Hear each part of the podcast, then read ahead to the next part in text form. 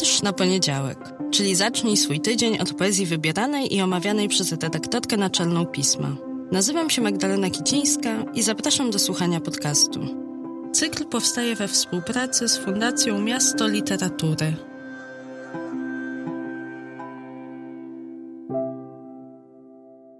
Dzień dobry, cześć, dobry wieczór. Witam Was dokładnie w połowie marca Wiosna taka zimowa w tym roku na razie się jakoś tak powoli, powoli do nas zbliża, chociaż były piękne, ciepłe dni, więc mam nadzieję, że się tak za chwilę przełamie, już naprawdę będzie ciepło i ładnie i dobrze. Chyba tego potrzebujemy. Mimo, że mówię do Was w dniu, w którym zaczynamy kolejny lockdown, przynajmniej my tutaj w Warszawie i w województwie mazowieckim, no ale miejmy nadzieję, że, że będzie coraz lepiej, coraz cieplej, coraz bardziej wiosennie. Wiele razy Wam tutaj w podcaście mówiłam o tym, że wiersze dla mnie mają taką terapeutyczną moc i słowo się stało ciałem po raz kolejny właśnie w ten sposób w odpowiedzi na, na jakieś emocje, na jakieś sytuacje w swoim życiu, w odpowiedzi na jakiś smutek, na jakiś stres, zmartwienie sięgnęłam właśnie po wiersze. I to bardzo nieprzypadkowe wiersze, bo cytując amerykańskie, czy powołując się na amerykańskie przysłowie o tym, że jak ci życie daje cytrynę, to zrób lemoniadę, to ja z kolei mam tak, w takim właśnie nurcie, że kiedy coś mnie atakuje, to postanawiam tego wroga sobie trochę oswoić i na swoją stronę przyciągnąć. I jak pewnie wiecie, pismo w ostatnim tygodniu mierzyło się z takim dużym wyzwaniem, z pożarem serwerowni, więc właśnie pożar i ogień jest tematem tego odcinka. Również dosłownie, bo w naszych zasobach, które na szczęście w różnych wersjach, kopiach zapasowych przetrwały, jest wiersz, który opublikowaliśmy w październiku 2019 roku. Wiersz Julii Niedziejko pod tytułem Pożar i może od niego zacznijmy. Julia Niedziejko. Pożar. Czyta Magdalena Celmer. Drzewo zrobiło się ziemią, bo iskra została ogniem. Gałęzie zrobiły się piaskiem, bo płomień został powietrzem. Lasy zrobiły się dymem, bo wiatry zostały nożami. Boli noc, boli dzień Boli cisza, boli dźwięk. Boli cień, boli blask, boli cierpliwości trzask.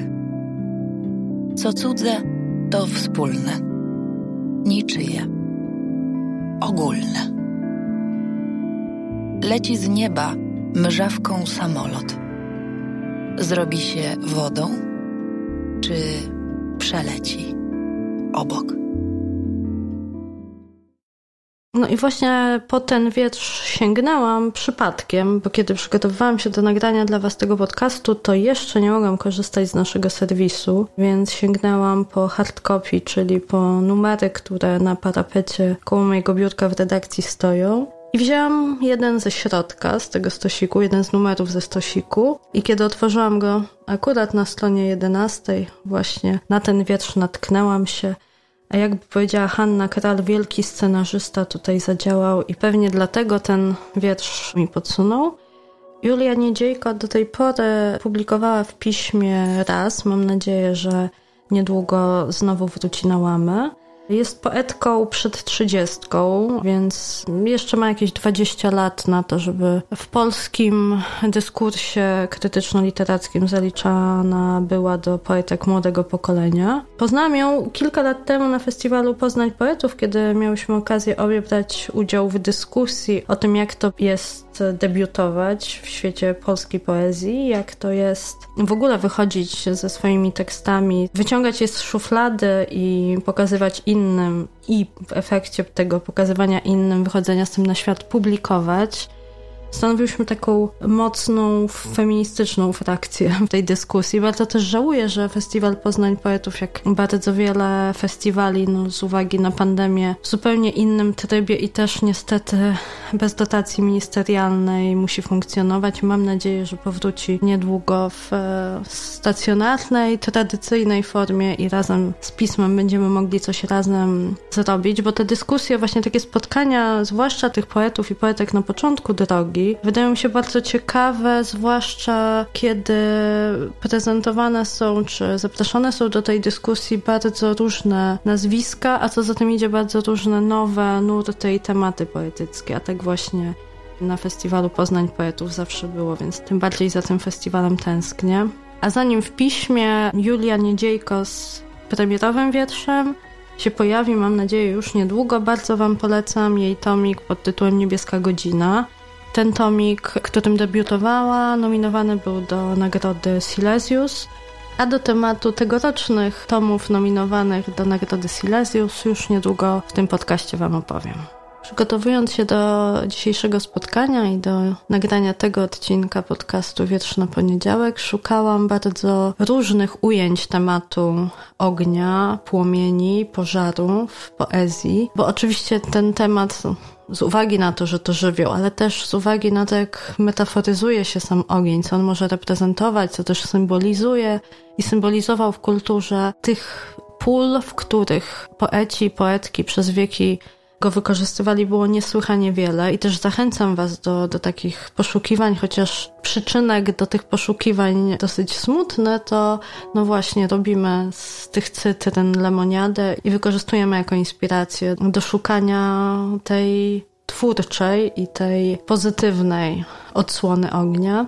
Oczywiście takim wierszem, którego szukać nie musiałam, który od razu jako pierwszy przyszedł mi do głowy, to oczywiście klasyk pod tytułem Ogień i lód Roberta Frosta. Pierwszy raz opublikowany w 1920 roku, więc 101 lat temu.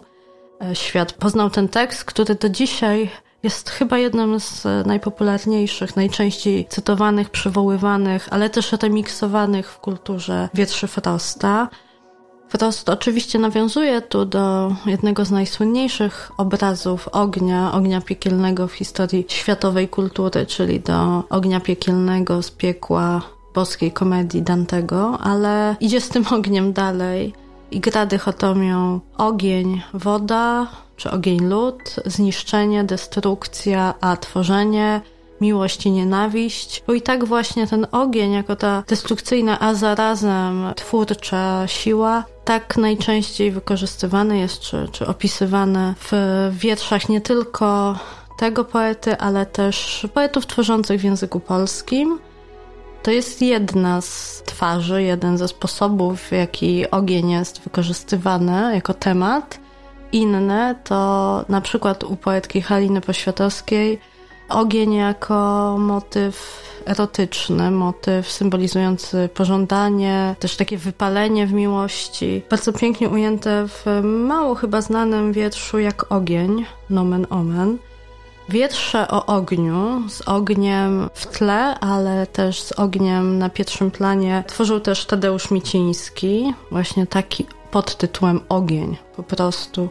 Bardzo Wam polecam, bo to jest, zwłaszcza po przeczytaniu czy po wysłuchaniu wiersza Haliny Poświatowskiej, 180 stopni inne podejście do tematu. U Poświatowskiej erotyczne, u Micińskiego, no nie będę wszystkiego zdradzać, nie będę spoilerować.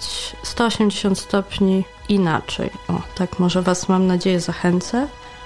Ogień, też znowuż ten tytuł u Juliana Tuwima pojawia się nie tylko w tym wierszu, ale ten, ten dla Was wybrałam z, wśród tych tuwimowych z ogniem i płomieniami gdzieś, gdzieś w strofach żeby też pokazać jeszcze inne, kolejne spojrzenie na, na ten temat, na ten żywioł.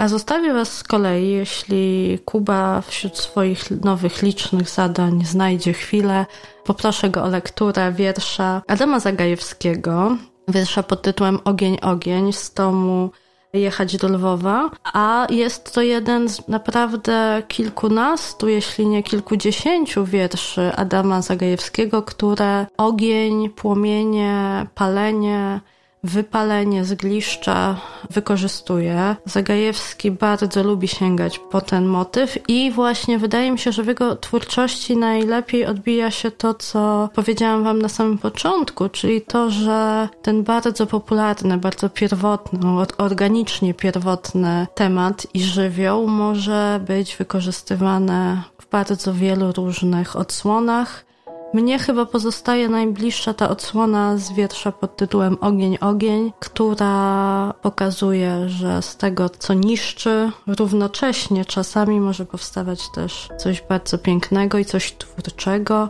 Tak jak zresztą jest z efektami pożaru, tymi najbardziej dosłownie rozumianymi, z węgla, którym można też coś ładnego namalować i z taką myślą Was zostawiam, a na koniec Ogień, ogień, Adam Zagajewski w wykonaniu Jakuba Dowgilta. Adam Zagajewski. Ogień, ogień. Ogień Kartezjusza, ogień Paskala, popiół, iskra. W nocy płonie niewidzialne ognisko. Ogień, który paląc się nie niszczy, tylko tworzy. Jakby chciał oddać w jednej chwili to, co zabrały płomienie na różnych kontynentach bibliotekę w Aleksandrii, wiarę Rzymian i lęk małej dziewczynki z Nowej Zelandii. Ogień, jak armię Mongołów, pustoszy i pali drewniane i kamienne miasta, a potem wznosi lekkie domy i niewidoczne pałace, nakazując Kartezjuszowi obalić filozofię i zbudować nową. Przemienia się w krzew gorejący, budzi Paskala, uderza w dzwony i topi je z nadmiaru gorliwości. Czy widzieliście, jak on czyta książki? Kartkę po kartce, powoli, jak ktoś, kto dopiero nauczył się sylabizować. Ogień, ogień wieczny. Ogień Heraklita, chciwy posłaniec, chłopiec o czarnych od jagód ustach.